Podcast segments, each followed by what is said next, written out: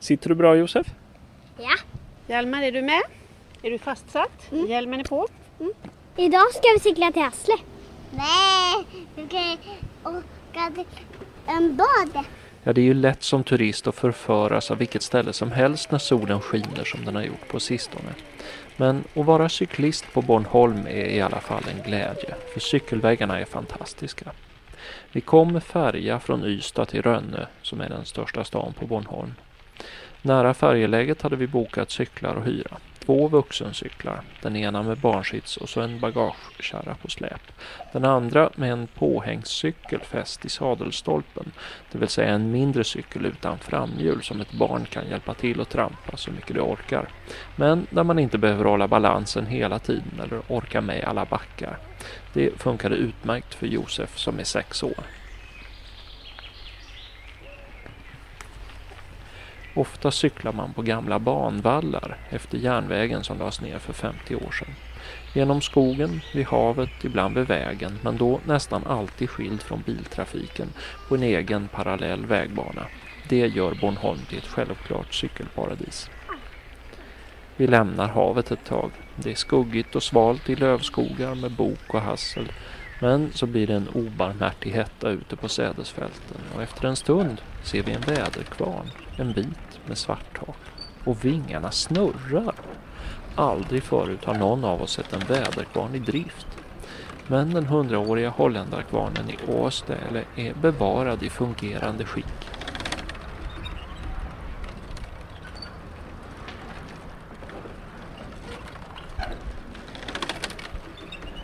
Vi fortsätter över åkrarna och efter en stund dyker ännu en rund vit byggnad upp med spetsig svart hatt.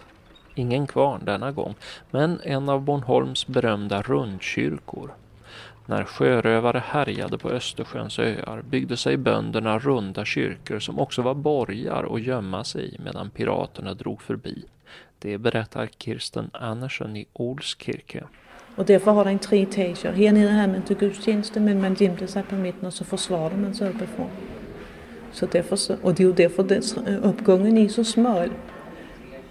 Visst man inte kunde hålla dem ute med stenkast så skulle trappan ju stoppa den. För visst heller inte bommen här kunde hålla dem ute.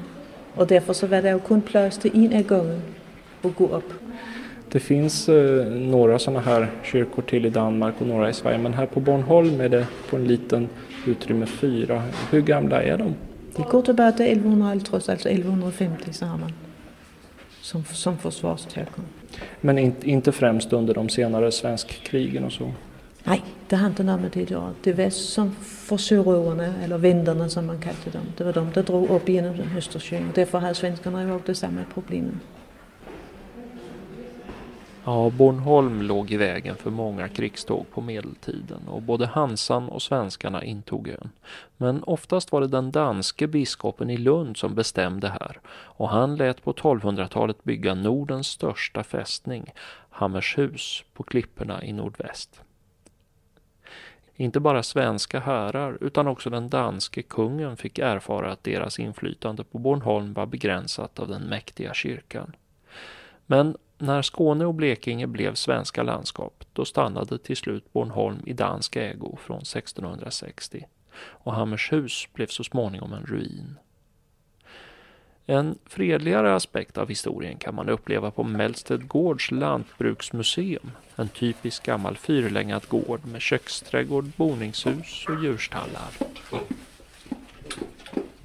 Hej. Vad är det för djur Janne? Grisar. Och en om med en stor. Det är mamman är jättestor men här kommer en liten griskulting. Ja. Grisen äter på pappa. Vad för, för lantbruk finns det kvar här idag på gården? Altså faktisk det samme som dengang gården eksisterede, bare i meget mindre format. Men vi gør det samme som de gjorde dengang. Du kan se, de har kørt høing i dag med heste og den gamle vogn. Og, altså det foregår ligesom det gjorde dengang. Korna har fått kalvar såg jag. Ja, det har de. Og grisene har fået, kaninerne har fået unger. Så ja, så det er meget spændende for børnene at komme og se dem.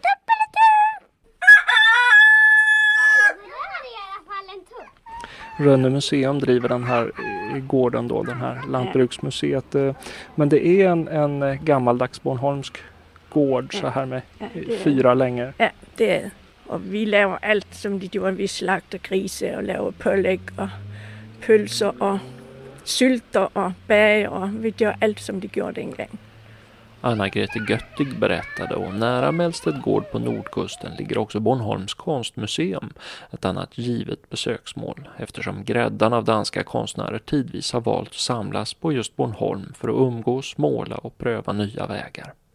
Så var det i början av 1900-talet när modernismen bröt fram även i danskt måleri. Alltså på begynnelsen av 1900-talet får vi den generation av konstnärer som man populært kalder Bornholmermalerne. Altså ligesom vi taler om Skagensmalerne fra på 1880-tallet, så har vi fra början af 1900-tallet øh, Bornholmermalerne. Og det er en generation af unge kunstnere, som alle sammen er elever af Bornholmeren Christian Sartmann øh, på hans skole i København. Og de vælger her omkring 1910 øh, at opsøge Bornholm, eller især opsøge Christiansø, den lille bitte ø, som ligger her nord for Bornholm.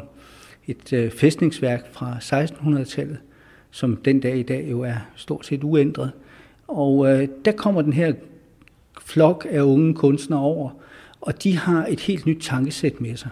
Fordi de har set og læst om Cézanne og om Picasso og Braque, og de har læst om den afrikanske, den, det de kaldte den primitive kunst. Og den her nye udvikling med kubismen og fobismen, øh, er de de første, der tager til sig øh, og prøver at omsætte til et, et, kan man sige, et nyt nordisk landskabsmaleri. Med småbarn och cykel vågade vi inte chansa utan hade bokat rum i förväg så att det blev lagom dagsetapper och med frukost och sänglinje inkluderade för att lätta bagaget. Det finns många campingplatser, vandrarhem, hotell och privata resanderum att bo i. Men man ser också nybyggen och före detta hotell som blir lägenheter till kort eller permanent uthyrning till utländska Bornholmsälskare. Här finns nämligen en slags hembygdsrätt. Bara danska medborgare kan köpa fastighet på Bornholm. Något som många svenskar och tyskar annars säkert skulle vilja för att säkra badsemestern. Kring Bornholm är Östersjön ganska grund så vattnet värms upp rätt så fort. Den norra delen av ön har bitvis brant och klippig kust så där är det inte alltid lätt att hitta badplatser. Medan södra Bornholm har en flack kust och i sydöst vid Due Odde finns det flera mil sandstrand med sand så fin att den förr i tiden exporterades för användning i timglas. Um, um, vi gör ett troll um, hus. Och det ska bli fint. Vi har använt många sten, stora, långa stenar som Gäckamojan är. Jag håller på att göra ett eh, staket till vårt trollhus. Och eh, det är gjort av sten och sand. Josef! Josef! Titta på mig nu Josef! Och så har vi geggamoja mellan stenarna som vi använder som byggnadsställningar så att det inte ska rasa ihop. Titta på mig. Mm. Vi såg inte ett moln på en vecka och Bornholm sägs ju vara solsäkert. Men det är också tydligt att det är ett annat, nästan sydländskt klimat här i södra Östersjön. Långa, kyliga vårar men å andra sidan räcker sommaren långt in till oktober och frosten kommer kanske till jul. I de vackra trädgårdarna ser man valnötsträd men också persikor och fikon. Och på södra Bornholms platta slätt, där satsar bonden Jesper Paulsen på Lille Gärdegård på vinodling. Det är rödvin, ja. Vi har en sort, som heter Rondo, som vi förväntar oss mycket av. Och den är rätt god att dyrka. Den första skörden tog du 2002. Så det är alltså så att druvorna faktiskt kan mogna här på Bornholm? Ja, det är gott mogna. Och ni nettopp den druesorten Rondo, den kan faktiskt leverera modna druvor hvert år. Så selvom vi får en almindelig sommer, så kan vi love godt få modna druer. Men han som tog 2005, det var jo en kanonsommer. Den var jo meget varmere end almindeligvis, så det blir jo fantastisk god vin nu. Så du tycker inte det är ett stort risktagande att odla vin på Bornholm? Ja, nej, inte ett stort risk. Det är, det är lite riskabelt. Men Min filosofi det har alltid varit att göra det omöjliga möjligt. Och det att dyrka vin, det var sådan lidt umuligt för tio år sedan. Men jag vill godt være med til at vise, at det er muligt. Så hvis man brænder for en ting, man synes det er spændende, man fordyber sig i det, så kan vi gøre mange ting. Og jeg kan så godt dyrke vin. Är du uppvuxen i en, en jordbrukarfamilj? Ja, jeg er faktisk fjerde generation her på gården. Och vad dyrkade du i tidigare? Jamen, før min tid, så var det sådan uh, mælkeproduktion og svineproduktion. Så startede jeg hen i 1980-1980. Og så stoppede jeg der, så blev jeg plantavler. Så har jeg dyrket jordbær. Masser af jordbær hvert år. Og så sprang vi over på vin nu her i år 2000. Men du förväntar dig mer av, av vinet i längden kanske också? Meget med vin, for der, kan- der, kan man, der, der kan man bygge lager op. Der kan man have en vinkælder. Så, så kommer der et år, der er dårligt. Så har man stærkt stort lager, man kan tage af. Så det sådan udligner ø- økonomien. Ja, i Pesca kan man smaka danskt vin, men än så länge är det dyrt. Annars kanske man mest tänker på en dansk pilsner, särskilt när man har cyklat ett par mil i backarna. Och så maten. Det är tätt med affärer och serveringar, så även där har cyklisten det väl ordnat. Och det finns mycket fint att äta. En specialitet är ju rökt sill och annan fisk som finns att få varje förmiddag från många rökerier ön runt.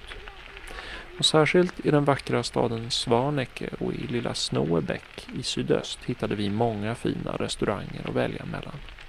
Egen tillverkning av fin choklad och glass stötte vi på, liksom de fina ostarna och ymerfilen från Bornholms mejeri i Clemenskär. Jag tror tyvärr inte vi blev något smalare, men vi mår fint nu.